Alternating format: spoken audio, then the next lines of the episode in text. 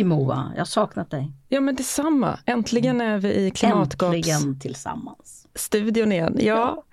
Eh, du har ju gjort ett P1 Sommar sen sist som blev succé. Vi behöver inte gå in mer på det men eh, om du som lyssnar har missat detta Sommar i P1 med Maria, gå in och lyssna på Sveriges Radio för det är fantastiskt. Och vi har fått jättemycket fin respons och det vet jag att du också har Maria, även om du inte gillar att skryta. Nej. Nej, så det var det. Jag har en annan fråga till dig. Mm. Eh, och det är om det går att hitta ett neutralt språk för klimat. Nej, det, det, jag tror ju som retoriker att överhuvudtaget, in, att, äh, att överhuvudtaget inte går att hitta neutralt språk därför att vi orden alltid på olika sätt är laddade. Men ehm, jag tänkte på det här om veckan så pratade med en journalist som frågade, men hur ska man kommunicera klimatkrisens allvar? Man vill ju inte bidra till alarmism. Och då tänkte jag, där har vi ett riktigt besvärligt begrepp. Alarmism. Det betyder ju att man överdriver ett hot, som pojken som ropade på vargen.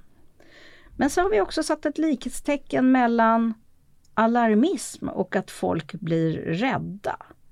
Men det är ju rimligt att man blir rädd om det finns ett stort och allvarligt hot. Men när man kallar det alarmism så betyder ju det att man har lagt in en sorts negativ betydelse att det är överdrivet.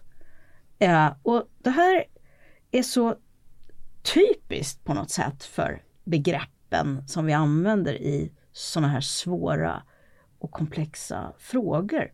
Att de kommer med med gam, de kommer med historia integrerade i sig och med negativa och positiva laddningar. Men det blir liksom lite försåtligt för vi ser kanske inte det utan bara använder dem oproblematiserat. Det här tycker jag är jätteintressant och svårt också. Men det är dags att kanske grotta ner sig lite i de här olika begreppen. Och till vår hjälp så har vi med oss en gäst. Vilken tur att vi har hjälp av Linnea Hanell. Mm. Du är språkforskare och just nu jobbar du på Språkrådet, bland annat med hållbarhetstermer. Välkommen till Klimatgap. Tack så mycket, kul att vara här. Och vad säger du Linnea? Kan du ge några exempel på några termer som du tycker är laddade på olika sätt. Frågan om, om det går att ha ett neutralt språk är ju väldigt svår, särskilt när man då representerar någon typ av, vi är ju en statlig myndighetsavdelning, Språkrådet, och vi ska ju ge råd till hela svenska folket och alla som använder svenska. Mm. Eh, och då vill man ju kunna ge råd för hur man ska uttrycka sig sakligt och neutralt, särskilt i offentligheten. Fast du är ju språkforskare också, du tittar ju faktiskt också på hur språk används i bruk. Precis. Uh-huh. Och då, ja, jag, jag, kan ju hålla med dig om att det, det knappast finns i frågor som är laddade så finns det ju knappast eh, ett neutralt sätt att tala om de frågorna. Eh, ett exempel som vi har jobbat med i hållbarhetstermlistan som vi har på Språkrådet. Eh, det är hur man ska benämna en typ av gas som finns naturligt i marken eh, och som bildas då över miljontals år som har åtminstone tre benämningar i svenskan. Tidigare så kallade man det för jordgas. Det, förekommer inte så mycket längre, men det finns två konkurrerande benämningar i språket idag och det är naturgas och fossilgas. Mm. Och det är ett exempel på en företeelse som i princip inte går att omtala på ett så, så kallat neutralt sätt. Alltså mm. ett språk som inte tar ställning för någondera parten. Därför att oavsett om man säger naturgas eller om man säger fossilgas så eh, kommer folk ha starka åsikter om det här termvalet. För om man säger naturgas då ger det intrycket av att det är någonting naturligt och det tycker vi är fint. Mm. Men om man säger fossilgas då, då låter det ju smutsigare, vilket det också är.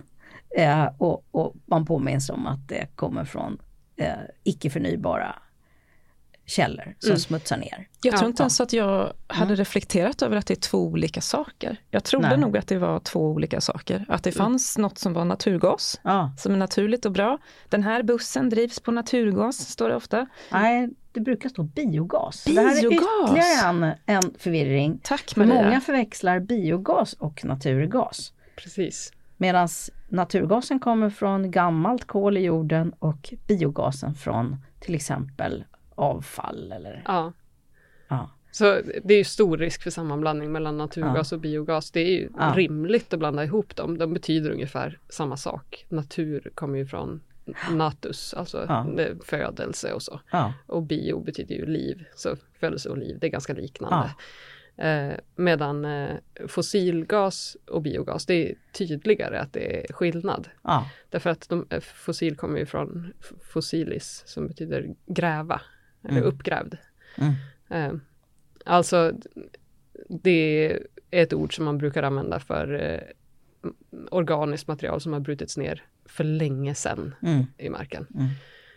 Men det här, är ju vis, det här är ett skillnad. jättebra ett exempel, exempel på hur förvirrande det kan vara och också hur orden kan vara användas politiskt. För att det är ju också så att här har faktiskt språkrådet tagit ställning, är det inte så? Ja, Ja. vi, vi såg ju, det är precis den typen av Mm. förvirring som vi försöker eh, eh,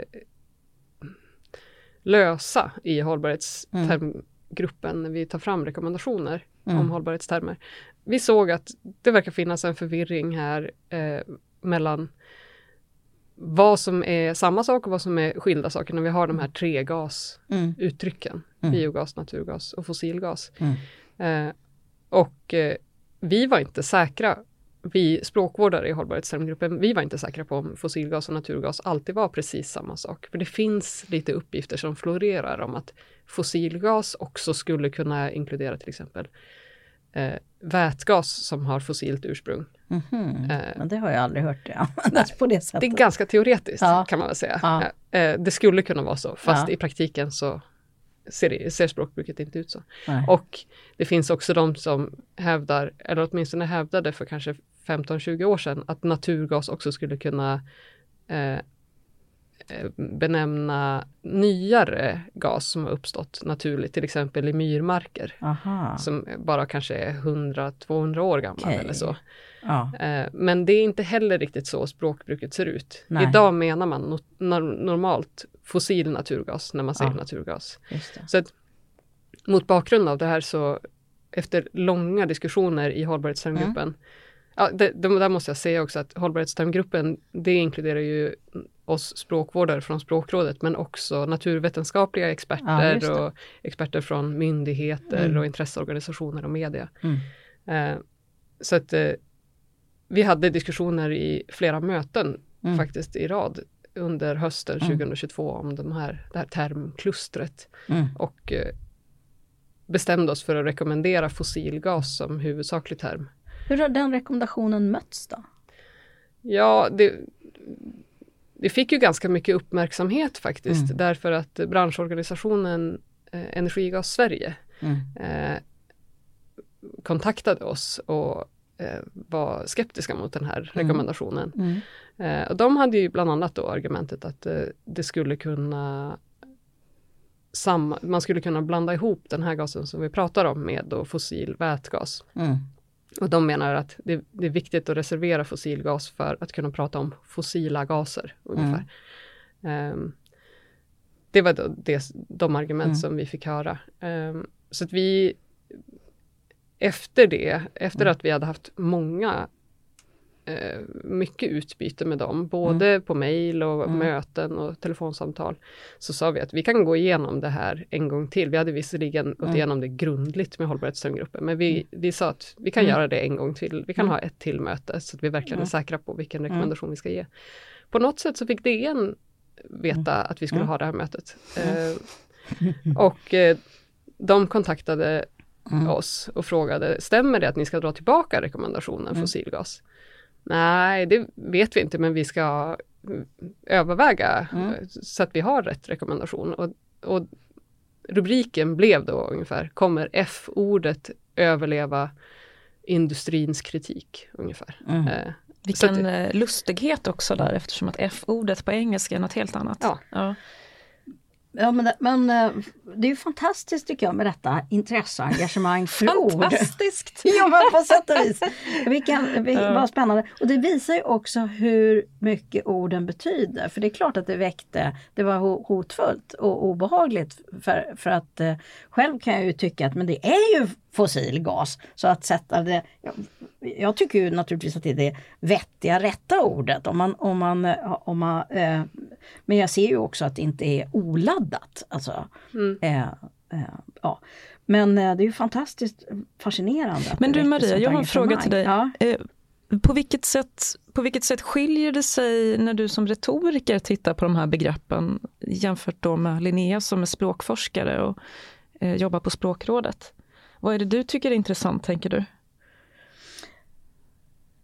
Jag tänker manövrarna runt det här är väldigt intressant. Alltså att språket använder vi för att manövrera eh, i, i, i, i, dialog och i politik. Jag tänker på det är intressant att de här, den här energiorganisationen eh, eh, de gillar förstås inte det här, men de måste hitta ett argument som kan övertyga er. För annars har de ingen chans. Och det är klart att man fattar att det inte är en omsorg om tänk om någon skulle använda det här ordet för vätgas. Utan det handlar om att hitta ett argument som ni som, som många av er är forskare eh, Eh, kan ta hänsyn till. Och forskare vill ju vara noggranna med sina begrepp eh, och försäkra sig om att det inte blir sammanblandningar. Så, så de lyckades ju i någon mening lyfta fram någonting som kanske skulle kunna ha betydelse för er. Men man ser ju att här är en kamp om begreppen.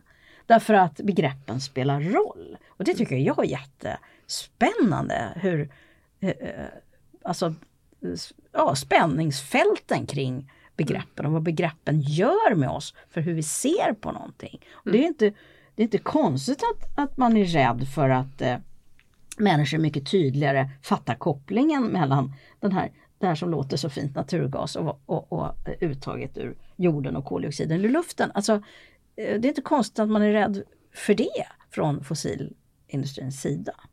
Nej, och det, där får man ju säga mm. också, det var ju inte bara det argumentet mm. som de använde. Det är ett annat mm. Starkt argument, är ju att eh, naturgas är vanligare i mm. svenskan. Mm. Det finns lagar. Det finns ja. till exempel en naturgaslag. Mm. Och det kan bli förvirrande att uh, uppdatera den mm. termen under en övergångsperiod åtminstone. Och ja. Det, ja. Men om juridiken ska vara vägledande för vilka ord vi använder så skulle vi ha ett väldigt konstigt språk. Eller det känns ju som att de inte är det mest trendkänsliga. Bara, ja. mm, nu har vi ett men de, men de, att de hänvisar till praxis och bruk mm. är i alla fall ett starkt argument för det är ju så ord, Men om praxis är fel då, kan det inte vara så att allmänheten känner sig lurad om det? Så att eh, någonting som man tänker är naturligt och fött i naturen och så är det fossil mm.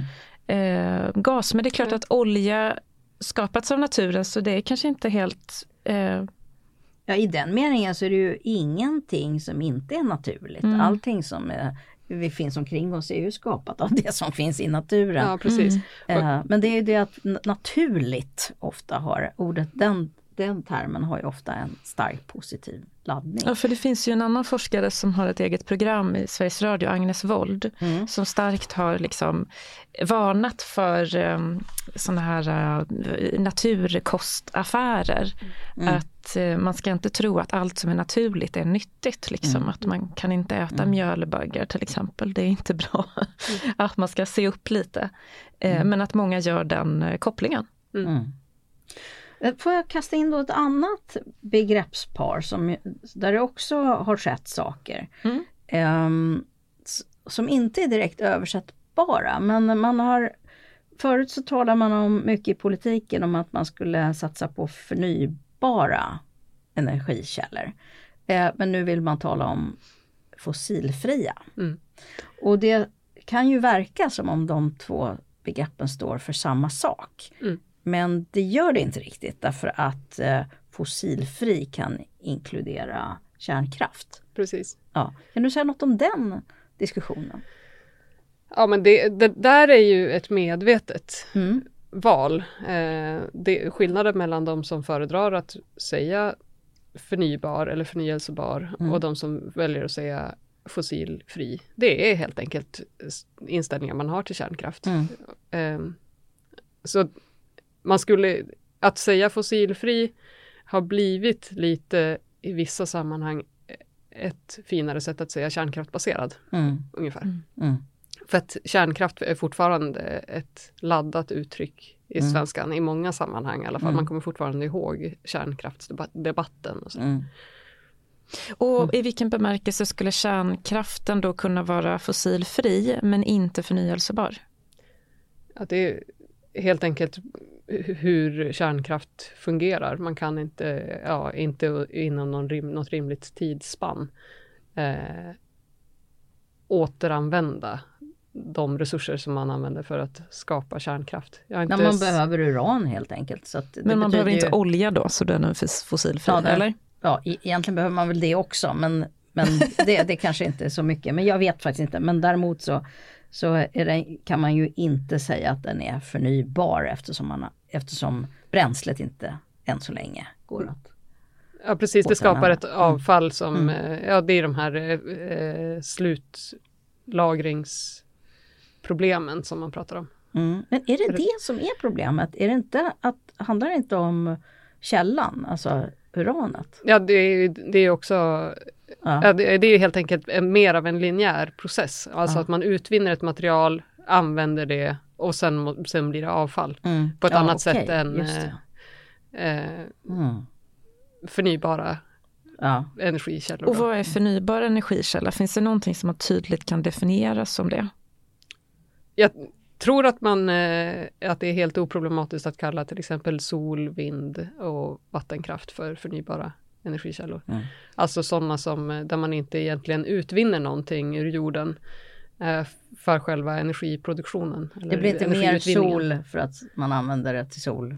Nej, Eh, precis. Det tar ja. inte slut på solljus om man använder Även om Sol. även detta är kan man ju, jag tror, tänker, det verkar ju vara rimligt att, att använda begreppen på det sättet. Men eh, även den tanken att det är helt förnybart så att säga leder ju oss också kanske fel i att tro att det inte är resurskrävande. Ja, Eh, Just det, för finns- solpaneler, med batterier och finns så vidare. Mm. Ja. Mm. Men det är ju ändå en ganska, jag tänker oljan, det är svårt att stoppa människan, människan från att ta, sluta ta den där oljan, så det är väl en himla tur att vi inte kan ta solen, då kanske den också hade försvunnit.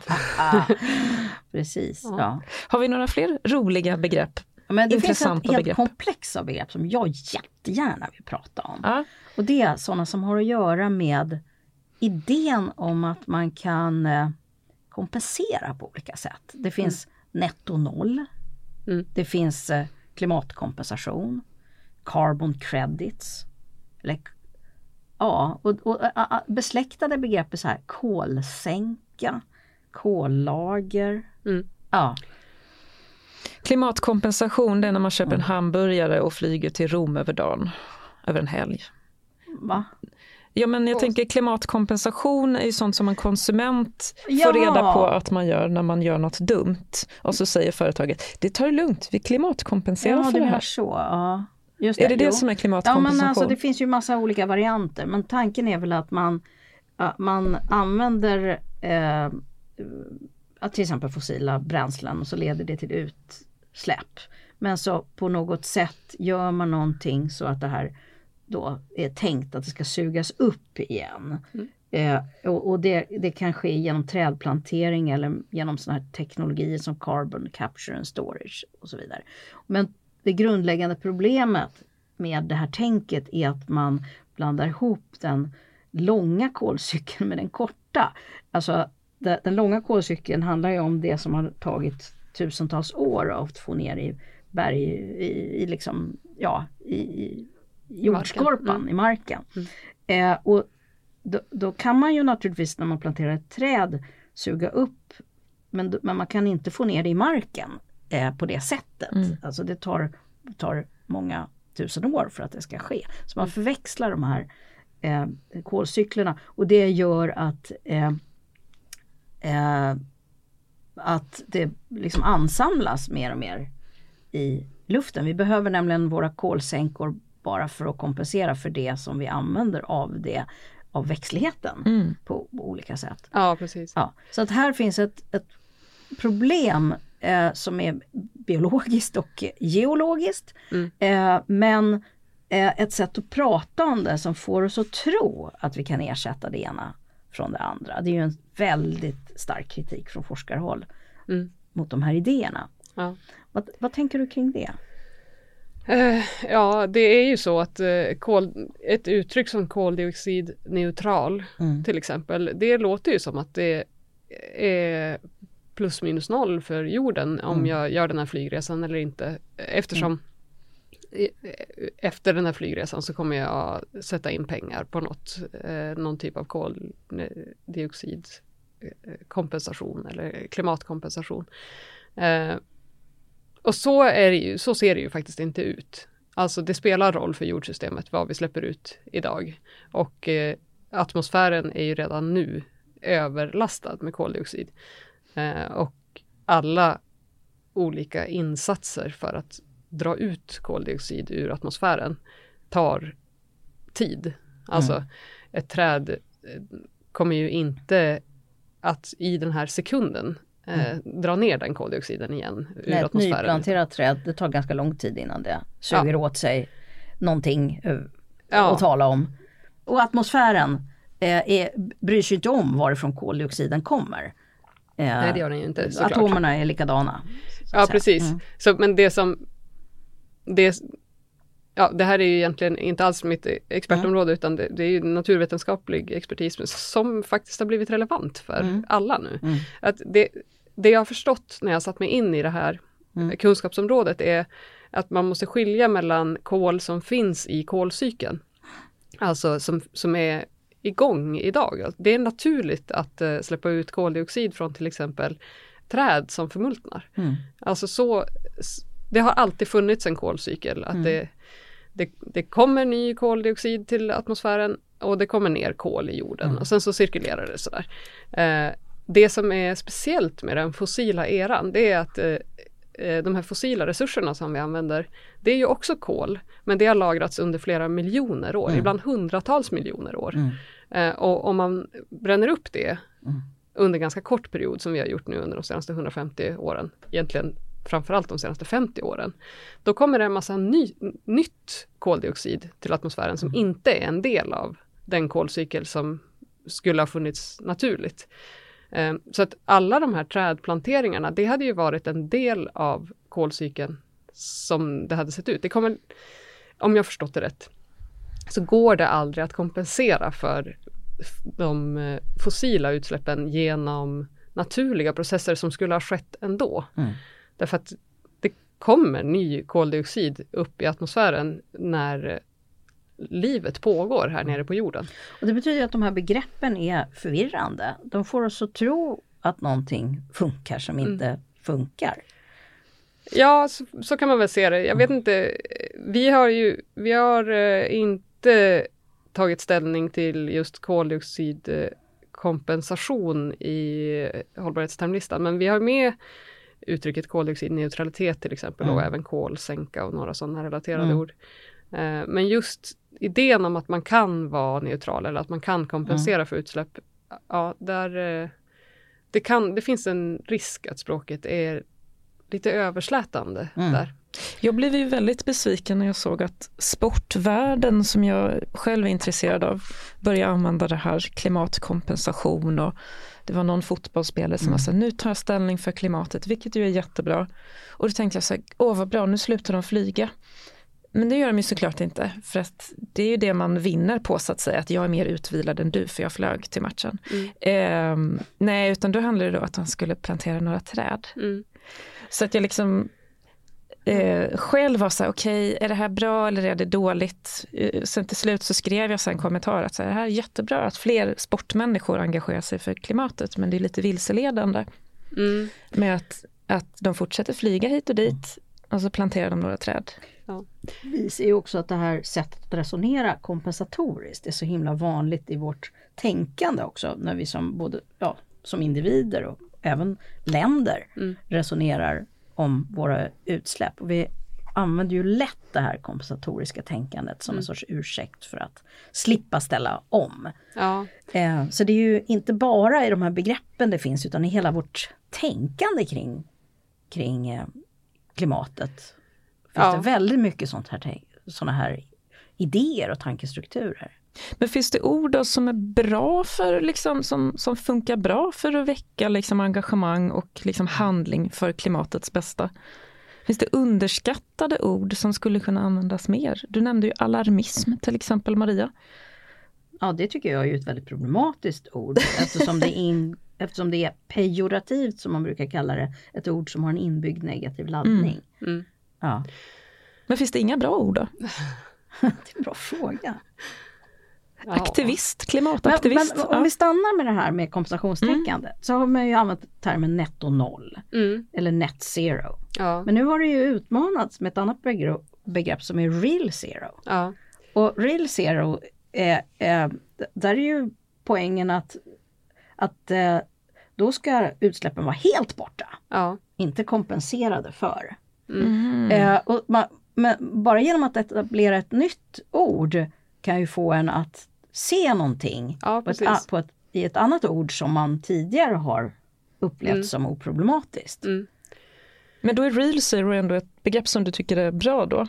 Det får vi se, men jag har bara noterat att det har kommit. Det Ja, har har en sett det i- potential i alla fall. Har du sett det i svenskspråkiga sammanhang? Nej, vad, ska, verk, vad skulle det vara? Ja. Noll på då? riktigt. Noll på riktigt, ja, just det. Ja, Ja. Eller eh, ja, Kanske det. Jag har inte riktig sett noll, det. verklig nolla. Mm. Nolla jag... har ju en annan betydelse också. Det vill man Ja, inte just vara. det. Ja, jag vet ännu inte hur det an- kommer att användas, men själva tanken med det är ju att på något sätt upp, uppmärksamma på att Ja. netto noll inte är noll. För det Ja. kanske kan vara så att det är gynnsamt, eller det vore gynnsamt för oss att inte blanda ihop eh, positiva insatser med negativa insatser. För det är ju klart att det är bra Mm. med eh, Trädplantering sånt. trädplantering Mm. eller eh, eh, återbeskogning eller Ja. att man skyddar eh, skog. Och till och med carbon capture and storage är kanske någonting som är helt nödvändigt med tanke på Ja. hur mycket vi redan har skitat ner. Ja, precis. Mm. Det är antagligen nödvändigt. Det, det, Mm. finns, det finns en del grejer som man kan göra som är bra för jordsystemet. Mm. Eh, men det kanske är så att det är lite olyckligt att man pratar om dem som en kompensation Mm. istället för att bara prata om det som någonting som är bra att göra.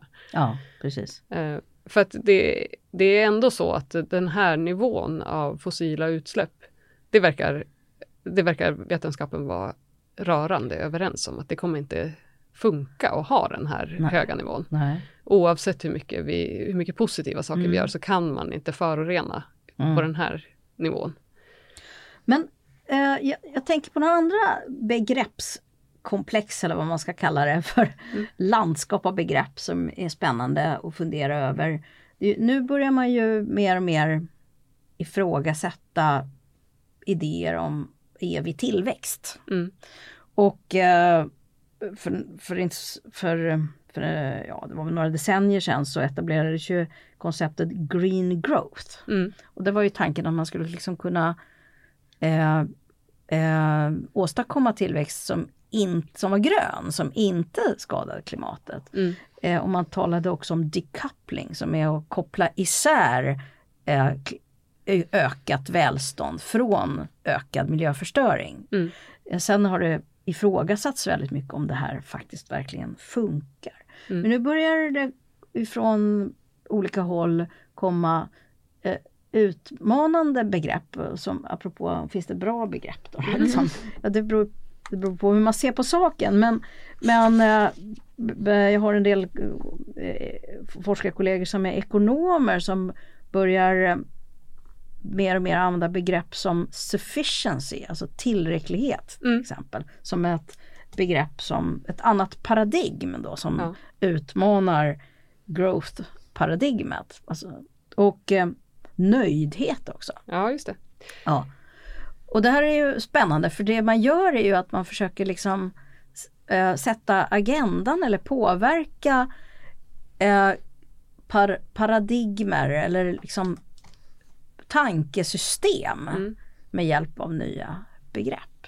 Ja, precis. Det Mm. tycker jag är spännande och nödvändigt att man tänker på därför att det finns en risk kanske särskilt att vi forskare som tittar på Mm. hållbarhetsspråk och, hållbarhetsretorik fastnar i det negativa Mm. och blir reaktiva. Så att vi, Mm. vi, det vi säger handlar om kritik bara. Mm. Eh, gnäll skulle man också Ja. kunna uppfatta det som.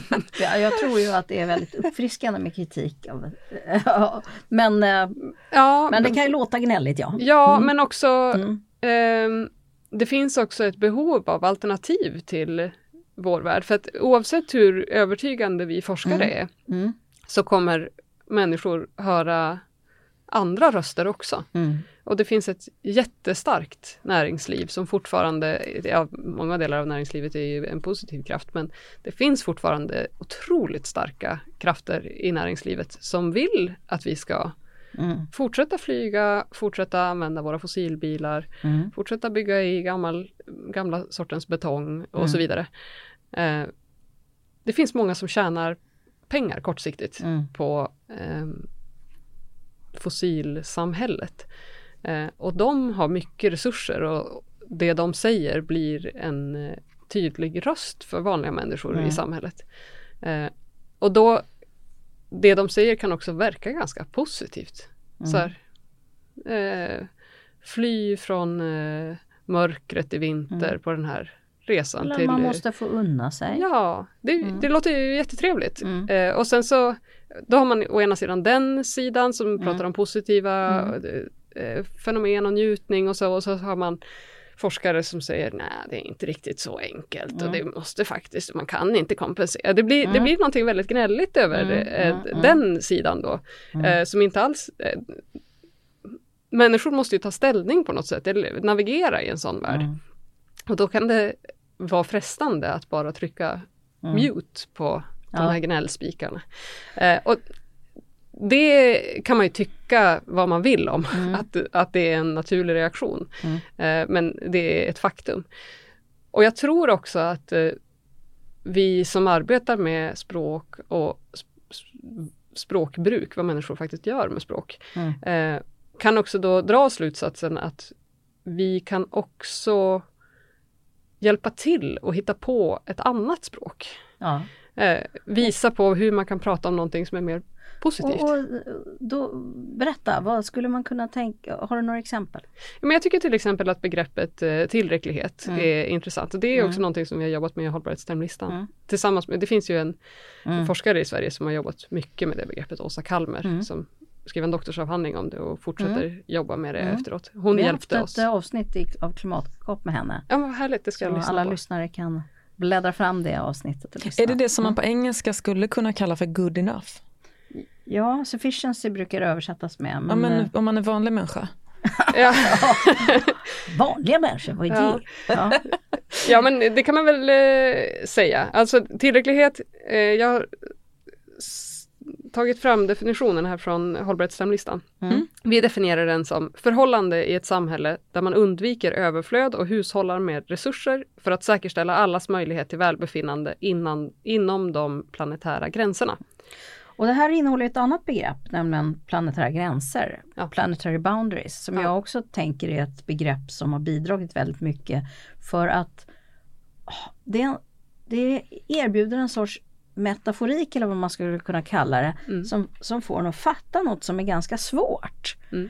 Och det är också kanske en sak som begrepp kan göra. Ja. Kan få oss att se det som annars är ganska knepigt. Verkligen. Eh, och då, det, är också, det finns en forskare som heter Kate Raworth som har lanserat något som kallas för the donut economy och då har hon ritat som en munk med ett hål i en kant runt omkring som då ska som då illustrerar de här planetära gränserna. Mm. Och det är också en väldigt kraftfull pedagogik Ja. i det sättet att tala om det. Och det kan ju nya begrepp bidra med. Precis. Mm. Ja, det tror jag verkligen är en potential som vi behöver utnyttja. Mm. Dels begrepp som visar, som eh, kan pedagogisera vad det är för kunskap som experterna Ja. bär på och göra den mer tillgänglig för alla. Men också att visa på hur vi skulle kunna ordna samhället på ett annat sätt.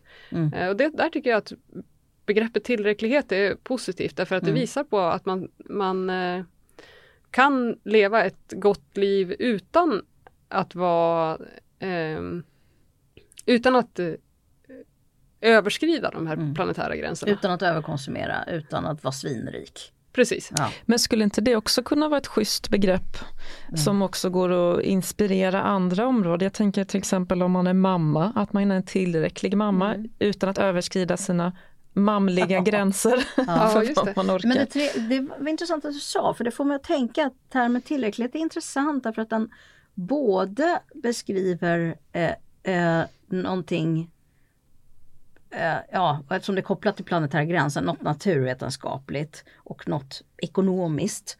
Men faktiskt också har en moralisk dimension eh, i och med att det, det är, ett reso- resonemang man kan tillämpa på sitt eget liv på något sätt. Så det, den har en, det har en stor kvalitet. Ett annat begrepp som jag tycker är spännande som har funnits med oss ett tid det är ju cirkularitet. Ja, det har, det har ju blivit väldigt starkt liksom.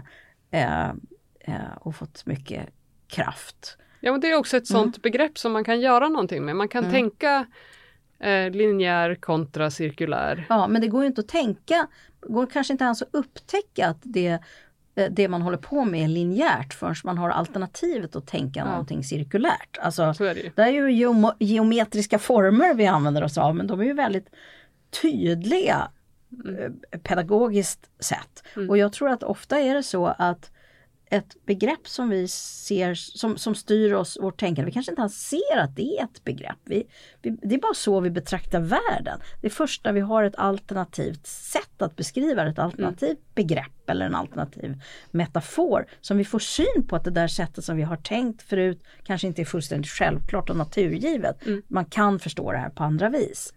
Och därför tror jag att de är så himla viktiga de här begreppen. Cirkularitet, är det liksom, då, då får jag lite så yoga-känsla, Ja. livets kretslopp och så Ja. vidare. Att det är lite... Ja, det handlar ju om kretslopp och det handlar ju om att eh, återanvända snarare än att göra nytt. Eh, Och att, och att eh, eh, försöka åstadkomma ett, ett, ett kretslopp som, är, som är hållbart, där, som inte lämnar avfall och som inte använder Men kan inte det resurser. också finnas lite moral i det? Jo. Visst Ja men för väl det är ju Ja. också en sak som Mm. det vore rimligt om vi hade lite mer eh, sofistikerade samtal om Mm. kan jag tycka. Det är en grej som jag tycker vi skulle kunna använda språket till lite Mm. mer. Alltså inte dunka moral i huvudet på varandra Mm. eh, men diskutera, vad tycker jag är Mm. rätt? Vad tycker jag att jag har rätt till att göra? Tycker jag att det är rimligt att man att pengar kan köpa mig rätten att göra saker? Eh, Mm. I vilken mån är det rimligt att den som har mest pengar ska eh, har mest rätt att till exempel släppa ut? Mm. Varför, varför ja sådär. Mm. Eh, det, moral har på något sätt blivit ett eh, ord som vi bara använder för att kritisera Mm. moralism och Just det. moralkakor. Ja, ja. Men det är För det ju, är fult.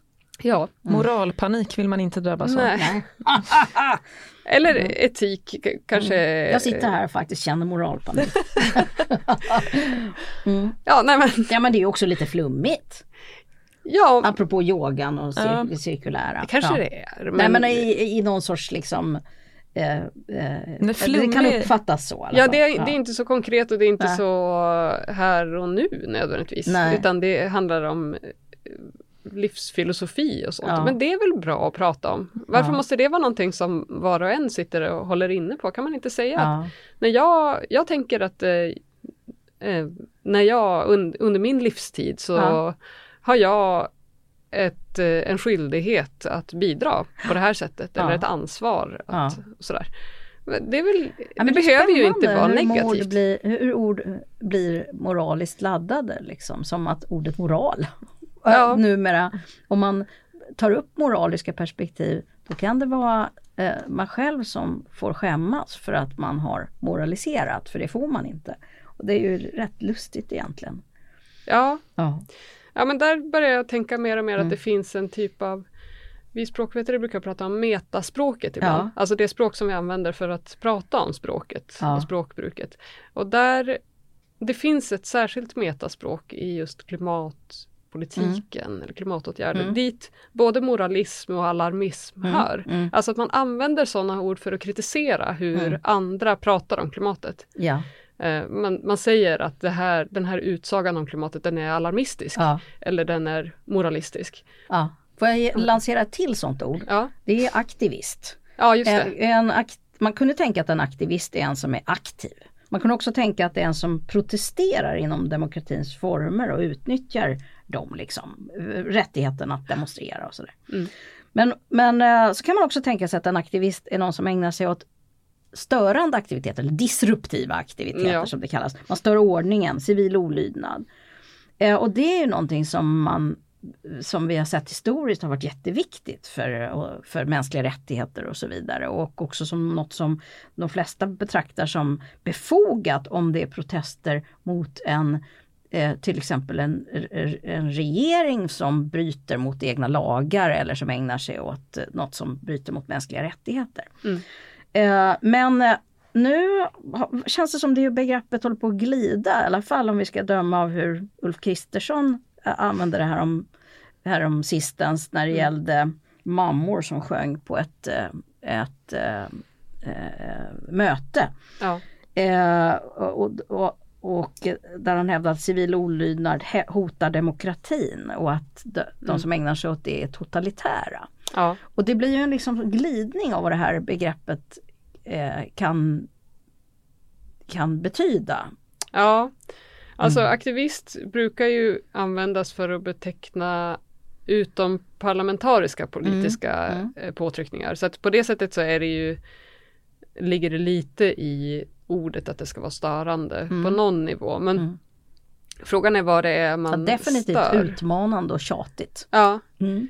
eh, ja, jag tyckte det där var en väldigt intressant händelse Mm. eh, när eh, klimataktivister från eh, åtminstone två olika grupper Mm. störde så att säga den Mm. här eh, AWn som Ulf Kristersson och Elisabeth Ja. Svantesson hade bjudit in Det till var rebellmammor och så var det Ta tillbaka Ta framtiden. tillbaka framtiden. Mm. Eh, och, och Ta tillbaka framtiden är ju en eh, ungdomsorganisation Mm. där eh, en ung representant för rörelsen först, om jag har förstått det rätt, eh, störde mötet genom att eh, skrika ut, Mm. rakt ut, Mm. eh, under frågestunden utan att vänta på sin tur. Mm. eller utan att vänta på att få micken, eh, Mm. skrek ut ett budskap om att eh, er politik mördar, tror jag Mm. han uttryckte sig. Ganska sådär eh, Mm. eh, tillspetsade uttalanden från honom och han blev då bortförd av säkerhetsvakter och sen så var det då en mamma som kom från rebellmammorna visade Mm. det sig, men det visste de väl inte. När, Mm. För hon fick micken Mm. och så sa hon att ja, Klimatpolitiska rådet har ju visat att Mm. eh, den här regeringen för en politik som ökar Mm. utsläppen för första Mm. gången för flera decennier.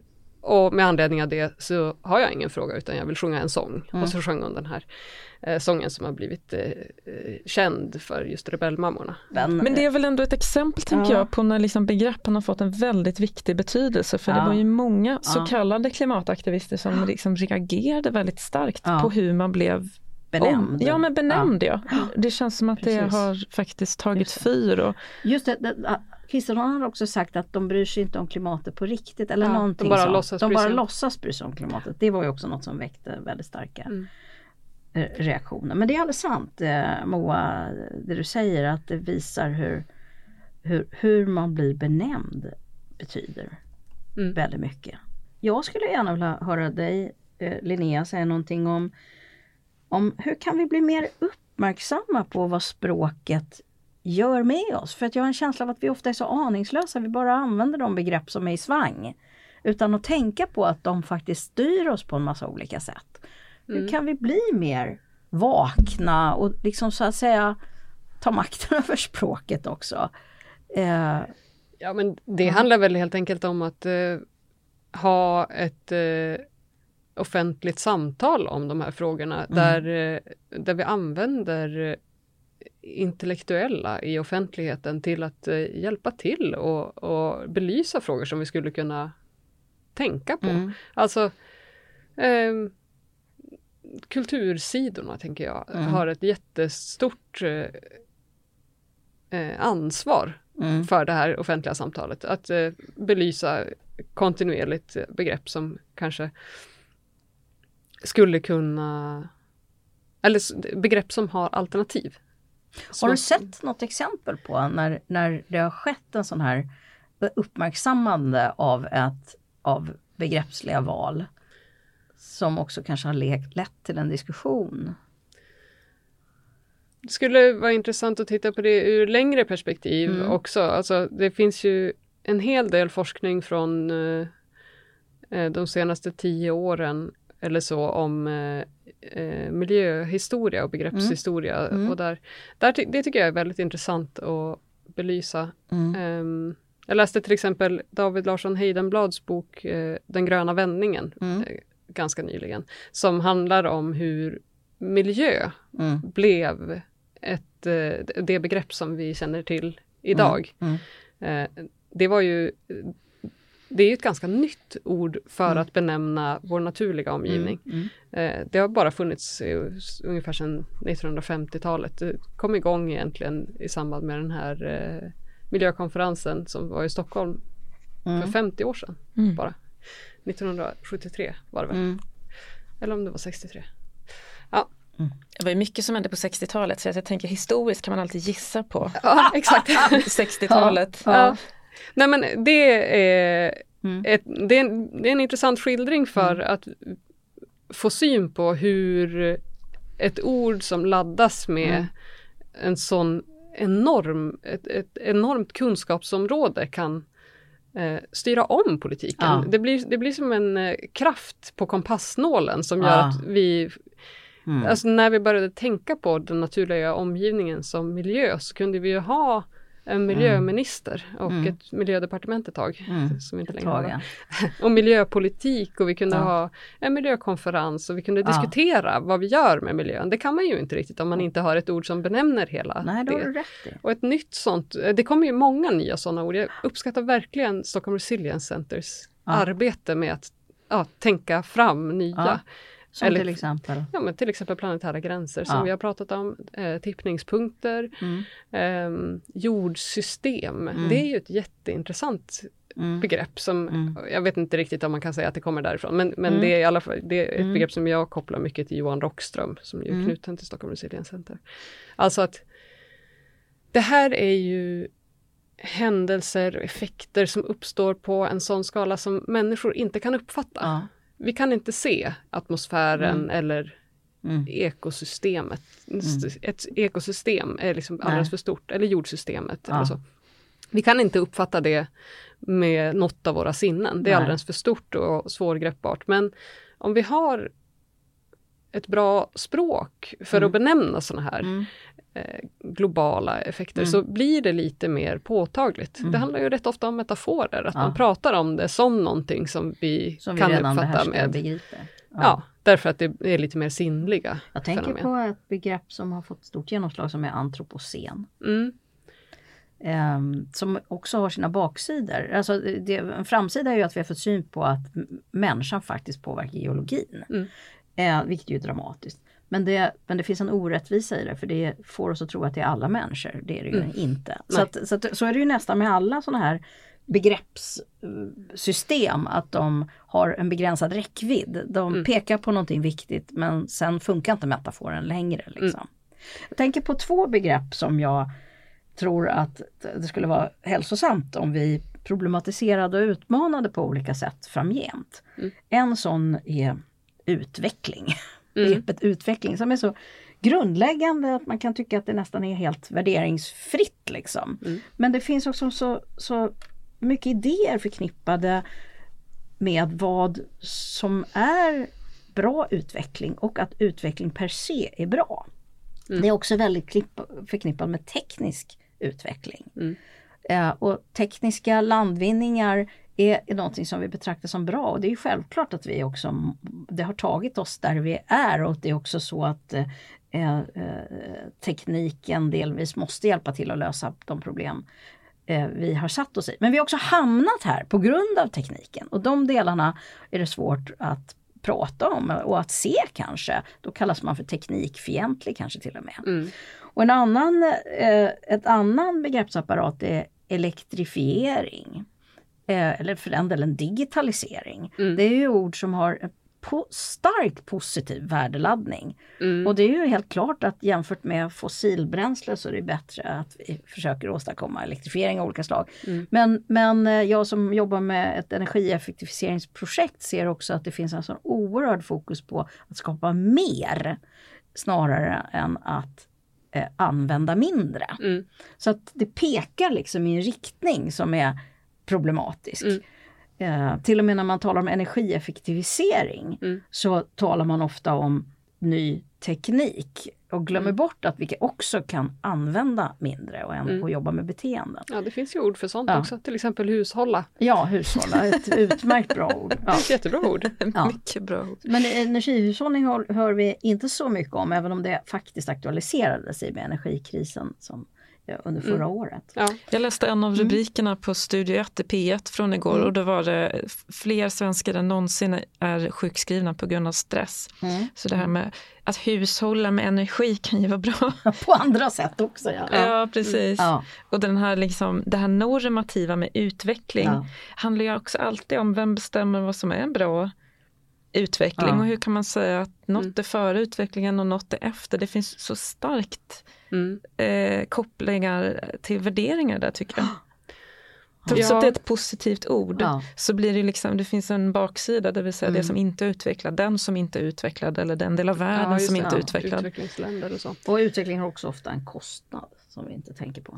Mm. Men för jag tänker ändå att ett, apropå ord och Mm. uttryck, begrepp som har varit eh, positiva, det är ju, där är ju hållbar utveckling Ja. ändå ett nyckelbegrepp Mm. i en positiv eh, Mm. förändring som har skett de senaste Mm. åren. Det. Alltså det kom, lanserades ju 87 tror jag det, Mm. vid en FN-konferens. Eh, kopplat till Gro Harlem Brundtland. Mm. Eh, det är otroligt värdefullt tror jag med begrepp som vi kan samlas kring. Mm. Att, eh, det, det tror jag är en av de saker som vi saknar delvis Mm. i dagens svenska klimatpolitiska Mm. samtal. Försöker du säga att polarisering inte är bra för demokratin? Ja, alltså jag tror ju att det är så här Ja. att mångfald är Ja. jätteviktigt. Mm. Men det måste finnas en kärna som vi kan samlas kring. Mm. En gemensam vision Mm. och sen eh, en mångfald av idéer Mm. om hur vi ska nå dit. Och jag tänker att just hållbar utveckling det är en sån sak som många länder Mm. under flera decennier har kunnat samlas kring. Vi, Mm. vi vill ha en hållbar utveckling. Mm. Vi vill ha då, eh, en utveckling som eh, där da, dagens behov tillgodoses utan att äventyra framtida Mm. generationers behov. Något sånt i definitionen. Eh, så att man får vara försiktig med att kritisera sådana begrepp, tänker jag, så att Mm. vi inte kastar ut barnet med badvattnet. Men det här är ju jättespännande att för jag, i det här samtalet har jag mest tänkt på begreppen som någon sorts vad ska man säga, kognitiva verktyg för hur vi förstår och hur vi tänker kring saker. Ja, även kollektivt såklart. Men det du betonar här är ju jätteviktigt, nämligen hur det samlar oss och kanske också drar isär oss. Mm. Eh, väldigt tänkvärt. Mm. Ja, det tycker jag är spännande, vad vi Mm. gör med ord. Det, Mm. Vi ska tänka på det, Linnea Hanell från Språkrådet och Ja. forskare på Stockholms universitet.